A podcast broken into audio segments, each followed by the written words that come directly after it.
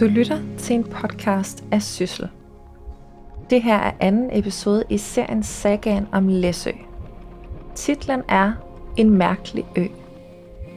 Den er lavet i samarbejde med Læsø Museumsforening, som har udgivet en bog af samme navn, og hvorfor vil du nok finde ud af. Og en lille advarsel. Den her episode indeholder intet mindre end fire spøgelseshistorier. Men lad os komme i gang. I sidste episode så efterlod vi dig på en stormomsust ø, hvor der mildest talt er indtrådt en naturkatastrofe. Man kan fristes til at tro, at det har noget at gøre med ran. Hende, der har trolddomskræfter og danner par med lag, som du hørte om i sidste episode. På Læsø er der istid, mange storme, uendelige vintre og korte regnvåde somre, og som du sikkert kan regne ud, dårlig høst. Og der vil snart komme krig. Det er i den periode, at bønderne tryller kongen om at få lov at betale deres afgifter i penge. Der er nemlig ikke mere salt. For det hypersaline havvand er væk. Måske lagde han en finger med i spillet. Som konge af havet. Du skal forestille dig en gammel mand med hvidt hår og klør som fingre. I 1652 overgiver Frederik den 3. sig endelig efter flere mislykkede forsøg på saltudvinding. Saltsyderne bliver nu til skudehandlere af nød. De bytter korn, malt og fødevarer for tømmer. Men ikke desto mindre går det faktisk ret godt ude på Østersøen. Det huer mindst af alt ærkefjenden, Sverige. Stridspunktet er herredømmet over handel i Østersøen. Danmark og Sverige erklærer hinanden krig intet mindre end 11 gange. Og her kan Læsø ikke gemme sig. Det er det rene Ragnarok. Og Danmark skal snart falde fra hinanden og lige ned i hænderne på ærkefjenden, som tvinger kongen til at afstå Skåne, Halland og Blekinge. Læsøs handelsflåde er nu kommet under fjendtligt svensk herredømme, og mange trækkes i druknedøden af rans net, og nogen skyller op igen, som sødrukker, som spøger. Og fordi der skyller så mange sødrukker op omkring Læsøs kyster, bestyrkes man i troen på, at der er dødsrige under Læsø. En af dem, der omkommer til søs, er Laurits Lauritsen Melkjørsen. I 1662 står han som ejer af Borgegård, hvor der efter sine spøger. For at vi kan fortælle dig historien ordentligt, så rekonstruerer vi en rejseberetning af Børge Jansen fra 1892, som Læsø Museumsforening har passet godt på. Den første, du skal møde, er altså Børge, som er drejet til Læsø. For der er en ting eller to, du skal vide om Læsø. Så lad os tage tilbage til 1892. Min ekspedition gik til Læsø, og et land, der for uden mange andre mærkelige ting, både har et eget bloksbjerg, en egen jomfru Marie, en lært smed og en flok gamle kaptajner, der har lagt op, et overskud af fagre læsøpiger og et underskud af Læsø mandfolk, det må dog siges at være et land, man nok kan spendere en ekspedition på. Det er først, da jeg læser teksten, at de mærkelige sammentræf går op for mig om Burroughs ekspedition til Læsø, som er en ø, der betragtes som sit eget land med et overskud af fagre læsøpiger. Men det er faktisk ikke Burrow, der er centrum i den her fortælling. Det er Holger, der har gang i en anden ekspedition, kunne man måske sige. Jeg flyttede til Læsø i 1968 og skulle gå i tredje real, som det hed dengang. Og det var forfærdeligt, fordi det var virkelig, jeg var midt i flowerbauertiden og flippet og langhåret, og, og det eneste gode, der var ved det, da man kom til Læsø, det var, at pigerne havde aldrig før set en langhåret, så det gav virkelig bonuspoint. Altså, jeg var i gang med demonstrationer i København og alt muligt andet. Så jeg øh, flyttede tilbage og gjorde min skole færdig på Sjælland. Du kan måske se ham for dig. Langt hår, kobberjakke. Han er flipper og er i gang med at omstyrte samfundet sammen med Vinnie. De sidder i en gårdhave, og det regner. Der går en kat rundt, og vi er langt ude på landet. I Frederikshavn gik jeg ombord på en lille damper, der skulle føre mig til det forjættede land, og spejtede over havet, indtil jeg med et fik øje på de fjerne kyster. Og øh, da jeg lærte Vinnie at kende, så tog vi derop, også mange gange om året på besøg. Og en meget tåget nat i 1900, i februar 78 var det faktisk, der kørte vi rundt, og færgen sejlede ikke på grund af, at det var dårligt vejr, og der var is. Og, og så sagde vores søn Rasmus til mig, far, kan vi ikke bare bo her? Så sagde jeg, jo, det kan vi godt. Så ringer vi bare til Vini og siger, at vi, bor, vi kan flytte herop. Og så kørte vi tilbage til, hvor min mor boede, og så ringede vi til Vini, som øh, sagde, nå, det kan vi da også bare gøre. En anden, du skal kende, er Vinnie, som Holger flytter ind hos på Læsø. De er venstreorienterede, så det er noget med et kollektiv og et ungdomsoprør mod alt det etablerede. Og da jeg nåede disse kyster, begav jeg mig på vej til øens hovedstad Byrum. Til rundt i alle disse gårde bor gamle kaptajner, der nu har slået sig på landvæsenet. Dog ikke sådan at forstå, at de selv slider med. Nej, kommer det højt, tegner de et kort over deres marker, og med det foran sig dirigerer de så manøvreringen, mens deres kvindfolk besøger alt det øvrige. Pløjer og haver, sov og høster og sanker i lade. Men så er det også manden, der har bragt mønten hjem fra de lange rejser. Det er altså manden, der bringer mønten hjem fra de lange rejser. Der er ikke nogen, der kender til Bogegårdskatten på det her tidspunkt, men man holder øje med hinanden. De gamle kaptajner er på udkig, men det er kvinderne, der må slide i marken. Og så bosatte vi os ude på en mark og ventede på, at der blev noget ledigt, og det blev der så den der gamle gård, Ryttergården. Og der kunne vi faktisk ikke rigtig bo. Det var ikke så stort, og det var noget rigtig gammelt lort. Så gik vi der, og så kom der nogle venner på besøg, eller en ven og hans kæreste. De blev skudt i Læsø. Så vi købte en gård, Bogøgård, øh, sammen og lavede et kollektiv. Og nu har de altså købt en gård, og det er ikke hvilken som helst gård, skal de lige til at finde ud af. Den dag, vi flyttede ind, og det gjorde vi meget hurtigt efter, vi havde købt den. Jeg tror, det var dagen efter eller sådan noget. Rygtedes det var på Læsø, nu var gård solgt, og det er en meget kendt gård på Læsø, fordi det var en af de store gårde dengang, med en god bygningsmasse og også en rigtig godt murværk. Og Vini skulle så cykle til Byrum, derude fra, der, hvad der er 6-8 kilometer. Så var jeg i Byrum. En hyggelig og venlig lille by, med en desværre smagløs præstegård og et lige så grimt tinghus, begge i ny stil. Et andelsmejeri undgår man naturligvis heller ikke, men ellers er alt, som det burde være. Især krogen er prægtig, som den ligger gemt bag susende popler og duftende linde, lut gravet ned i jorden. Uden for hvert hus er der en flagstang, hvorfra de indfødte signalerer til hinanden, og oven på hver tag er der et udsigtstårn, hvorfra man anstiller observationer over land og hav. Og kigger den er man jo vant til at håndtere i denne himmelegn. Alt virker til, at det er, som det burde være, men der er noget galt. Så mødte jeg en anden dame på vejen, og jeg ved ikke, hvorfor jeg stoppede og snakke med hende. Det kan være, hun stoppede mig, det skal jeg ikke kunne sige, men i hvert fald så øh, sagde hun, at jeg har hørt, at I har købt bogen i går. Jeg I klar over, det spørger derude. Det vidste jeg sådan set ikke noget om. Og for sin vis var jeg også lige glad, men øh, det var ligesom det, det spørger på bogen. Det havde været lejerskolen nogle år, og der var en gammel mand, Laurits Bæk. Han havde gået og passet den lejerskole i mange år. Han kom ud, fordi vi havde spurgt ham, om han ikke ville komme ud lige og vise os lidt om, hvordan det hele hang sammen derude. Det er meget rart, når man overtager sådan en gård. Og det ville han gerne. Han kom ud, og så gik han rundt, og så fortalte han, at, at alle ved jo, at det spørger her. Den søde ældre mand, Laurits, går altså rundt med stok på gården. Blikstille var det, og det støvregnede. Det lave vand mellem holmene lå lysende blankt i det kolde lys. De store sten spejlede skarpt igen.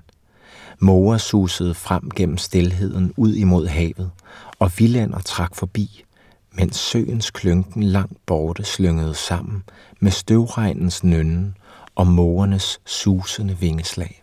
De følgende dage delte jeg mig mellem krogstuen og friluftslivet, og sådan kom jeg til stranden sønden for Byum. Først går det jævnt ned over marker med små vindmøller og tangtængede huse, så over side grønne enge, og endelig slut ud over flade holme, oversået med store sten.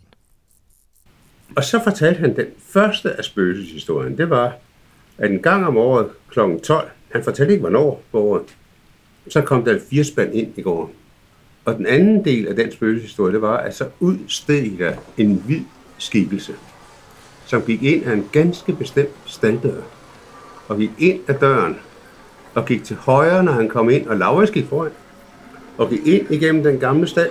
Så stillede han sig der, og pegede ned, og der lyste jorden omkring, at der ligger skatten gemt.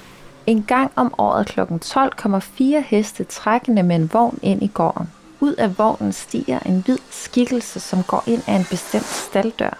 Og skikkelsen går derefter til højre og peger på staldgulvet. Her ligger skatten gemt. Og det fortalte han. Og den tredje af de spøgelseshistorier, han fortalte, det var, at man kunne godt gå derude i den stald. Og så pludselig så kunne man ligesom fornemme noget hvidt, der flagrede rundt, og øh, øh, uden at der rigtig var noget. At man kunne tro, det var nogle høns eller noget andet noget. Det kunne også være spøgelser, der sådan flagrede rundt ude i det der område i stallen. Det var det, han fortalte. Så det var anden gang, vi i løbet af ganske få dage, vi stødte på de her spøgelseshistorier på Bådegård. Og det hæftede vi os ikke så meget med andet. Vi synes jo, det var sjovt. Et stykke tid senere, der var en nabo, en meget berejst og klog mand. Han kom tit ind til os, han boede lige i nærheden, fordi vi spillede skak ind hos os. Og de der plejebørn spillede skak, og der var især en af vores plejebørn, som var super kvik i hovedet, der var rigtig dygtig til at spille skak. Så Ole kom meget tit og skulle spille skak med ham, og vi sad tit 6-10 stykker og spillede skak med sådan et langbord. Og en af de aftener, vi sad der meget koncentreret om vores skakspil, så kom du ind, lidt bleg i hovedet. Jeg havde været ude i stallen. Og, og sådan, jeg ved ikke, hvad jeg skulle, men et eller andet. Så ligesom om der var noget bagved mig, jeg vender mig rundt, og der er ikke nogen. Og så går jeg ind og spørger alle de her mennesker, der sidder ved de her lange bord, om der er nogen af dem, der lige har været ude i stallen. Det kunne jo sagtens være. Der var ikke nogen af dem, der havde forladt skakspillet Nej, vi grinede lidt af det. Så Vinnie får sig altså lidt af en forskrækkelse. Vinnie står i køkkenet. Hun tænker, at det her kan ikke blive ved. Inde på strandengen begyndte hyrdedrengene at råbe deres evige Hiv hop, hiv hop, hiv hop. Køerne satte i at brøle, Byrum kirkeklokker faldt ind i koret, og solen gik ned og lagde et mildnende skær af rødt over den grå himmel og over det lyse vand langs de mørke holme. Så gik jeg til kroen. Vi var så i mellemtiden flyttet sammen med det andet par i det her kollektiv. Og der var hun blevet gravid, og de havde bare et værelse. Vi boede bare på hver sine værelser. Og de ville godt have lidt mere plads. Og de har så fundet ud af, at man kunne udbygge det ude i stallen. Først, da han nåede hen til det sted, Laurits han havde stået og badet, så brændte gården, og så flyttede de. Det er der i sagens natur intet mærkeligt i. Gårde brænder, men at det lige er det sted, Laurits har peget på, det er der noget mærkeligt i. Men inden vi vender tilbage til gården, så skal du høre Børges spøgelseshistorie, som han har samlet op på kronen. Jeg sad der altså i Byrum Kro og lyttede. Og den etbenede urmager, der hele sit liv havde faret som tømmermand med en skånder, der gik på Kinakysten, men så pludselig nedsatte sig som urmager på sin fødeø, og den halte julemand sad der også, og om Hellig Marie, øens kloge kone, og om Smed Jensen, øens kloge mand, der for uden at smede plove også er i færd med at nedskrive sine livserindringer og resultater. Og lampen lyste over den lave, hyggelige stue, mens vinden derude susede og sang gennem de gamle linde. Hvad der morede mig mest af alt, hvad jeg hørte, var en hel del savn og spøgelseshistorier, der endnu tros af befolkningen på denne lille, mærkelige ø. Til at fortælleren altid begynder sin historie med, at det naturligvis er løgn og eventyr det hele, det har mindre at sige, for når først han bliver varm og er færdig med berettelsen, kommer gerne følgende slutningsreplik. Ja, denne her er nu lige godt sandfærdig nok, for den har min kødelige bror selv oplevet, og han kommer ikke med løgn, skal jeg sige dem.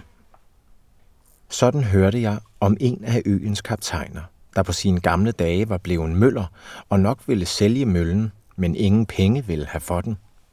For ser du, sagde han, penge er runde, de løber. Og hvor løber de hen? Fanden i vold, og de tager en anden en med. Nej, jeg havde tænkt mig at få lidt strømel og lidt svinemel og give svinene, for det løber ikke. Det bliver på gården, og det er det, det skal.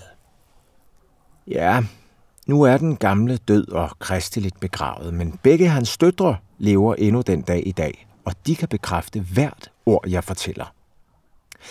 En aftenstund var de her to pigebørn, der gået ned til stranden. Og som de går der og tænker på hverken godt eller ondt, løber de lige på en sødrukke, der lå og glåede fælt på dem. Og de kiggede igen, for nysgerrige var de som alle andre kvindfolk, og så får fanden i dem. De giver sig til at rode i hans lommer, og der hitter de en pung.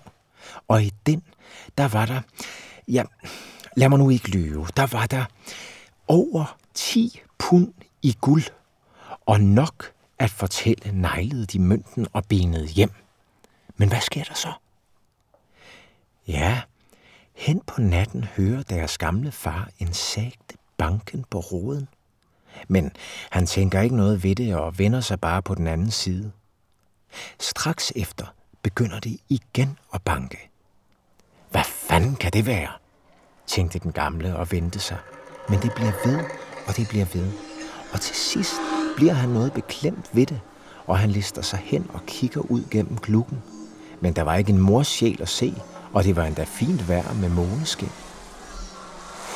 Så kravler han jo i køjen igen, men næppe før han er der, før det begynder forfra, og med ét slår det ned i ham. Det er sødrukken. Og han ryger lige ind til pigebørnene og tager dem i forhør. Nej, de havde da bare været ude og spacere. Ja, ved stranden har I været, har I. Og til sidst måtte de også ud med sproget, og den gamle, han tordede. Så herud i skarnspasser. om så jeg skal køre jer der ned på en skarnvogn. I skal til stranden og give manden, hvad hans er. Og de måtte ud af fjerne og hen til stranden. Som de så går ned over markerne, er der en stemme bag dem, der visker. Nu knæver reven mine ben. Nu knæver reven mine ben. Nu knæver reven mine ben.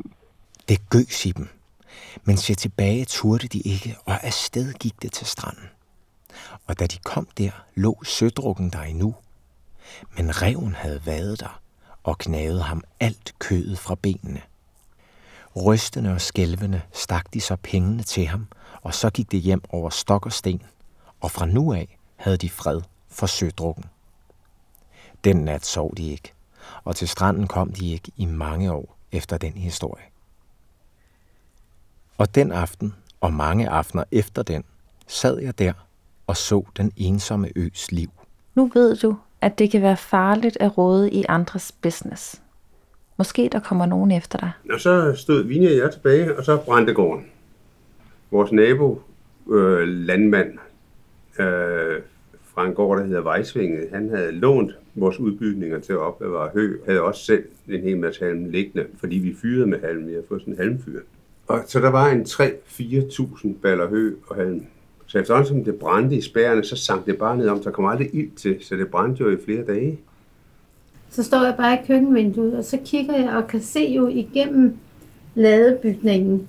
Og så kan jeg jo se alle de her sorte øh, plamager, der ligesom kommer og siger, hold da kæft, der sidder alle spøgelserne. Politiet kommer, og de finder måske svaret på, hvordan branden er opstået. Vi havde aftalt, at vi skulle ikke lyve for politiet. For eksempel så spurgte de, om jeg røg. Så kunne man jo sige, nej, det gjorde jeg aldrig. Det gjorde jeg. Jeg var faktisk rimelig iskold i røven. Så kom de ind efter nogle timer, de havde gået derude og gravet, og så kom han ind og sagde, om jeg lige kunne komme derud. Det kunne jeg da godt. Og så stod han derude og sagde, hvad har I brugt det lille rum til? Der var sådan noget, der hed melrum i gamle dage, hvor de kværnede mel. Så det brugte vi til hønsehus. Og hvad gjorde I om vinteren der? Hvordan, hvordan fik I lys derud? Så sagde han, der trak jeg en ledning derovre fra og henom. Hvordan hængte du den ledning op? Og hvad var det for en ledning? Så tog han lige greven op og viste, er det den her? Og det kunne det godt være. Og det var så der, kortslutningen var sket. Men vi havde ikke noget, vi skulle bruge de her bygninger til. Det var fuldstændig ligegyldigt for os, om de bygninger var der eller ej, for vi brugte dem faktisk ikke rigtigt. Og vi blev så enige om, at det ville vi ikke genopføre. Men til gengæld, Vinja er meget kreativ menneske. Hun arbejder med plantefagning og alle mulige andre ting. Og så blev vi enige om, at så opførte vi et plantefagningsværksted til Vinja. Så gravede vi en sokkelrende, og det er den sokkelrende, det hele handler om. Holger og Vinnie beslutter sig altså ikke for at genopføre bygningerne. Der skal være plantefagningsværksted. Så Holger, han er ved at grave ud til en sokkelrende. Jeg sat af til, hvor sokkelrenden skulle være efter Pythagoras. Alt skulle være helt præcis og i orden. Og så satte vi ham Lars. Så ham satte, jeg havde simpelthen sat den der af, og så kom han hjem på skole, og så kunne han gå i gang. Det gik ikke ret lang tid. Så var den gravet, og så gik jeg ud og skulle lige se, efter, om den nu også var, som den skulle være. Så, og så kunne jeg se, at der var en lille bitte bule. Og så sagde jeg, den er vi nok nødt til lige at tage væk, Lars. Så tog jeg spaden og joggede ned i. Og så når vi til historiens klimaks. Og så væltede det simpelthen. Og man bliver dybt, dybt forundret over, hvad det er, der sker. Jeg kan huske, mit hjerte det begyndte at slå. Og det var også fordi, så gik jeg ned i stokkeranden og tog en af de der sølv. Og de var meget velbevaret. Og jeg tog bare sådan en blank en op, og så var det et billede af Christian den 4. med halepisken. Og så får man altså kuldegysninger. Lige pludselig så står han jo med historien i hånden. Og så var jeg klar over det, jeg var dybt alvorlig. Jeg sagde til Lars, at han skulle rende ind, fordi alle de andre var derinde. Og fordi Vinnie havde råbt, at, at nu var der mad. Så løb Lars ind og sagde, Og der står Holger noget tid. Han får kuldegysninger. Hold op med det pjat, siger Vinnie. Og så får han en idé. for mig, altså udover Indbegrebet af venstreorienteret har altså lige fundet Danmarks historiens største sølvskat.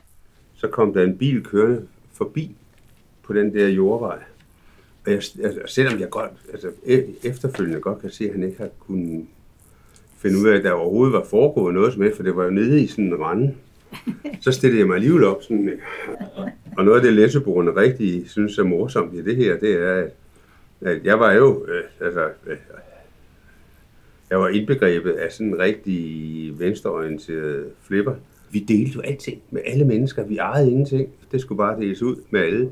Og det var den eneste gang, eller den første gang i mit liv, jeg opdagede, at det er ikke alting, jeg vil dele. Det her, det var sgu min skat. Det var en meget mærkelig følelse, jeg fik. Men vi ringede til politiet i Frederikshavn, det var sådan en mærkelig oplevelse. En meget venlig politimand. Det var slet ikke det. Politiet inde i Frederikshavn tror bare ikke rigtigt på det. Men jeg fortalte ham, at vi havde fundet en møntskat. Og så siger han i telefonen til mig, og jeg glemmer det aldrig, hans formulering. Hvis du kunne se mig lige nu, tror du så, der står idiot på ryggen af mig? Måske tror han, det er telefonfis. Og der står ikke idiot på ryggen af ham. Øh, men han tog det slet ikke alvorligt. Og jeg sagde jo bare til ham, at vi havde fundet hundredvis af mønter. Og det var sølvmønter, det sagde jeg også til ham. Det kunne man se, simpelthen. Men i mellemtiden havde vi så samlet alle mønterne sammen, båret dem ind i stuen. Vi havde sådan en langbord. Og så hældte vi alle mønterne mod den simpelthen. Og så ringede vi til, ja, til min mor, kørte vi op og hentede. Farmor kom. Ja, øh, hun var hjemmesygeplejerske på øen, og så ringede vi til formanden for Museumsforeningen. Og han kom, der kom, vi samlede Og sådan nogle forskellige, fordi vi ville godt have nogle vidnesbyrd på det. Det havde vi brug for. Så de kom. Inden ved langbordet ligger de altså mønterne på rad og række.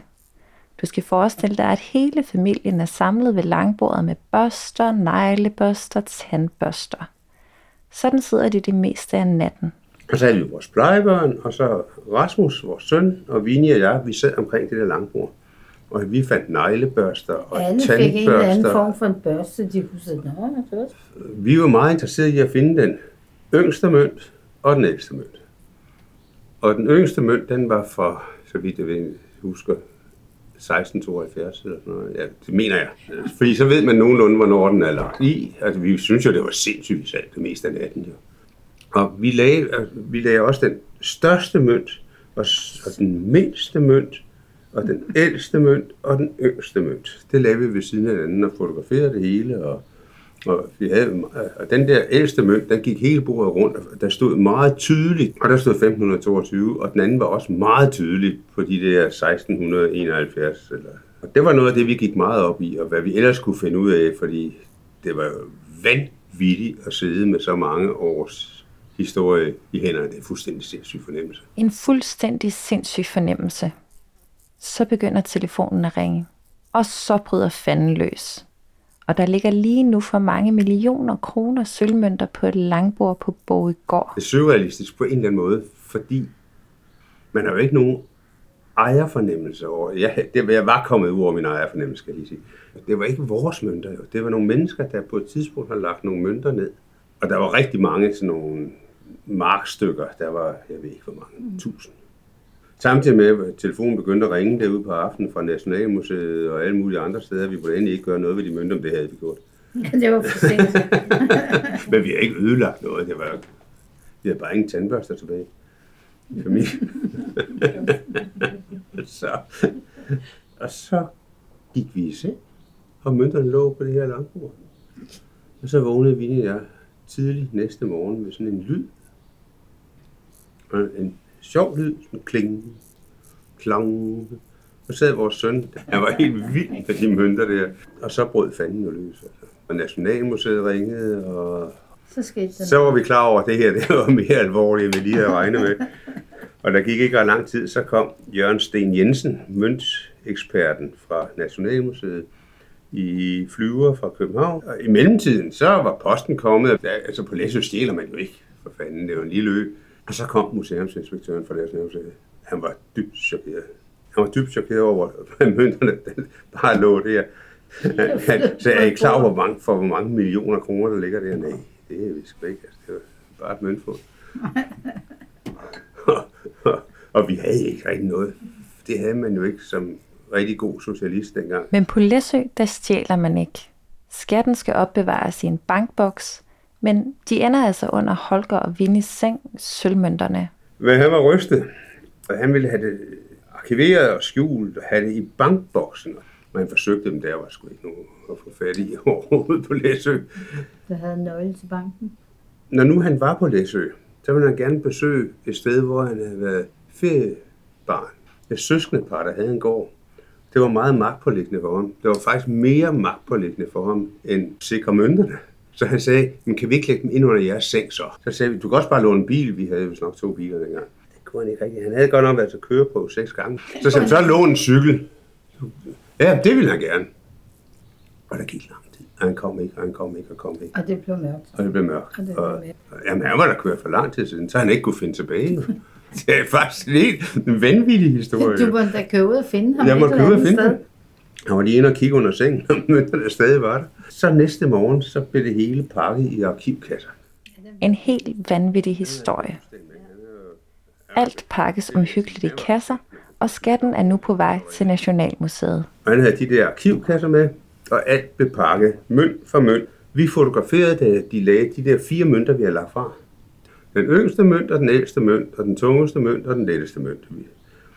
Så kørte vi ud på flyvepladsen, og der var flere mennesker derude, og folk var faktisk lidt aggressive.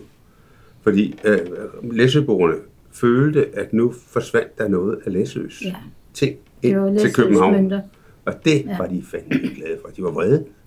Ja. Det må man sige. De var faktisk noget oprørt over det. For læsøboerne var jo spændt på, de ville jo gerne se det her møntfund. Og så de var faktisk dybt irriteret og temmelig vrede over, at det blev taget fra læsøboerne. Jeg havde det ikke sådan, altså, fordi jeg havde stadig ikke noget ejerforhold til det. Jeg mente, det var statens, og det var Danefæ jo. Men øh, læsøboerne var faktisk rigtig irriteret over det. Men så forsvandt de fra Læsø, og så blev det hele jo gjort op, og der blev udsendt sådan et numismatisk tidsskrift over hele møntsamlingen for hver enkelt mønttype. Det eneste, der manglede, det var faktisk mønten fra 1522. Den er der ikke. Det, jeg er da sådan set ligeglad. Jeg synes bare, det er sjovt, at den, når vi ved med sikkerhed, de mennesker, der har set den, det er jo altså mennesker, man godt kan regne med, ikke? Så et eller andet sted i hele konserveringsprocessen inde på Nationalmuseet har der siddet en eller anden møntnørd, som har synes, den var sjælden, den var spændende. Danefæ i et numismatisk tidsskrift. Men et eller andet sted i processen forsvinder den ældste mønt altså.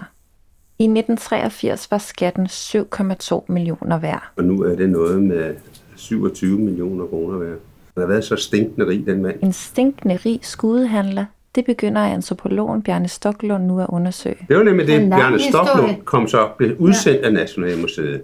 Og fordi han havde, han havde Læsø-kendskab i ekstrem grad, og en meget behagelig menneske, og Læsøs afstamning, han gik i gang, og han kom op, og han fandt ud af øh, både Borgårds historie om alle de brænde, der havde været der, og hvordan den havde fungeret. Det har altid været en stor gård på Læsø, øh, og med meget tyne. Og han gik i gang med på den ene side, som han siger, altså spøgelseshistorie, de, de opstår jo ikke ud af ingenting. Der er altid et græn, en, et græn sandhed i en spøgelseshistorie. Den opstår af en eller anden viden, og han fandt jo ud af, at læsøboerne godt vidste, at den mand, det kunne han jo, de jo ikke undgå at vide, at han var ganske umanerlig meget rig og velstillet. Øh, han sejlede den der skudefart. Ja, jeg tænker lige på, om ikke det er ham her, Laurits, Jo, Laurits det er Melchiorsen, det. Ja, som giftede sig med Maren Andersdatter. ja. Se, ham har du hørt om før. Det var ham, der omkom til søs. En dreng begynder at sejle, og han er pengepuder. Og det er der altså en god grund til. Han øh, allerede som dreng, der begyndte han at sejle. Og øh, Læsøboerne, de havde det, der hedder Skudehavnen i Aalborg. Du kommer fra Aalborg, ikke? Lige i nærheden af det, lige ved siden af der, hvor fjordbyen ligger.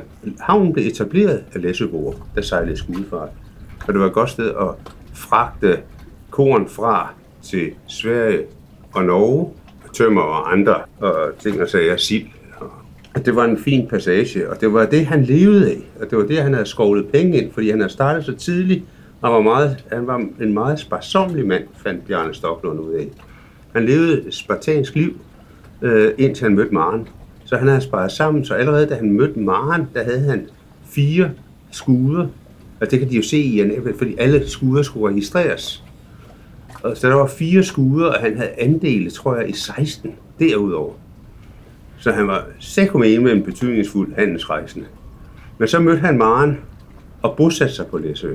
Så fire skuder og andele i 16. Men det er en farlig livsførsel med svenskerne i hælene. Og derfor forsvinder skatten og dukker først op i 1981, da Holger graver ud til sokkelrande efter tre brænde. Der er altid et græns sandhed i en spøgelseshistorie. Investerede næsten alle sine penge i den her skudefart. Og blev ved, også under svenske krigen eller Store Nordisk. Og der sejlede de jo også, og det var skide farligt, fordi svenskerne øh, kabrede jo danske skuder. Og det man mener er sket, fordi han var afsted med sine to sønner, og man mener, at enten er de blevet kapret, eller også er de omkommet på grund af stormen fordi man har ikke værkort tilbage fra den tid, så man kan ikke øh, finde ud af, om der har været en voldsom storm. Men ellers har de garanteret blevet kapret, og så er de forsvundet. Det han også fortalte Bjørn Stoklund, det var, at rige folk fortalte ikke kvinderne, hvor værdierne lå. Fordi kvinderne var nødt til, altså ikke fordi de sladrede, det var ikke derfor, men øh, med en anden, men fordi at der var det jo meget med, man er jo ikke banker og sparekasser, så man var nødt til at have formålet på sig selv. Og man fortalte det ikke til kvinderne, fordi hvis for eksempel svenskerne kom og ville tvinge kvinderne til at fortælle, hvor formuen var, så skulle de med rent hjerte og rent sind kunne sige, at de ikke vidste noget som helst om det. Det skulle ikke være sådan, at deres øjne flakkede, eller på nogen måde antydede, at de måske godt vidste, hvor der var penge. På den måde beskyttede man så familien på, på land. Men det betød jo, når hele mandedelen af familien forsvandt, så var der ingen, der vidste, hvor pengene var. Man vidste kun, at der var sindssygt mange penge et eller andet sted. Der måtte være penge, ja. ja, der måtte være penge. Og så opstår de her historier. Men det, der er interessant, det er, at mønterne blev fundet præcis der, hvor Laurits Bæk pegede. Hverken mere eller mindre. Lige nøjagtigt. Så nogen har vidst mere end andre.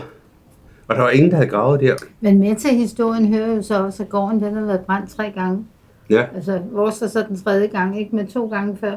Og der har man så ændret nogle staldforløb og nogle bygningsforløb og sådan noget. Så der var, der var flere lag ovenpå. Ikke? Og de er også kørt henover med store maskiner og et eller andet, hvad ved jeg. Ikke? Så han har lagt den ned i bunden af mødingen. mødingen. Og det var ja. meget godt gennemstedet måske. Og det er også sjovt at tænke på, hvor mange, for det var måden, man gemte penge på. I bunden af mødingen gemmer Laurits altså skatten, og det ender faktisk med en omskrivning af historien. Bjarne Stoklund, han sagde, at det er dem, vi skal gå efter. Det er spøgelseshistorien, så tager vi udgangspunkt i dem, fordi så får vi, kommer vi tæt på sandheden. Fundet af den der skat og Bjarne Stoklunds arbejde har betydet en omskrivning af hele Læsøs historie for et folk i armod til et folk, der faktisk var rimelig velstående og med meget rige mennesker, for det var ikke kun ham, der var skudeskiber jo. Der var andre skudeskibere på Læsø. Og så der har været andre formuer, det har man bare ikke vidst. Men øh, det er muligvis også, som Bjørn Stoklund sagde, derfor Læsø overlevede på trods af, at salgsydningen forsvandt fra øen på grund af over øh, forbrug af brænde og sådan noget. Ikke? At på den måde, at fordi der var rige mennesker, at fordi de kunne holde samfundet i gang, og de kunne bygge mejerier, og de kunne gøre det ene og det andet og det tredje.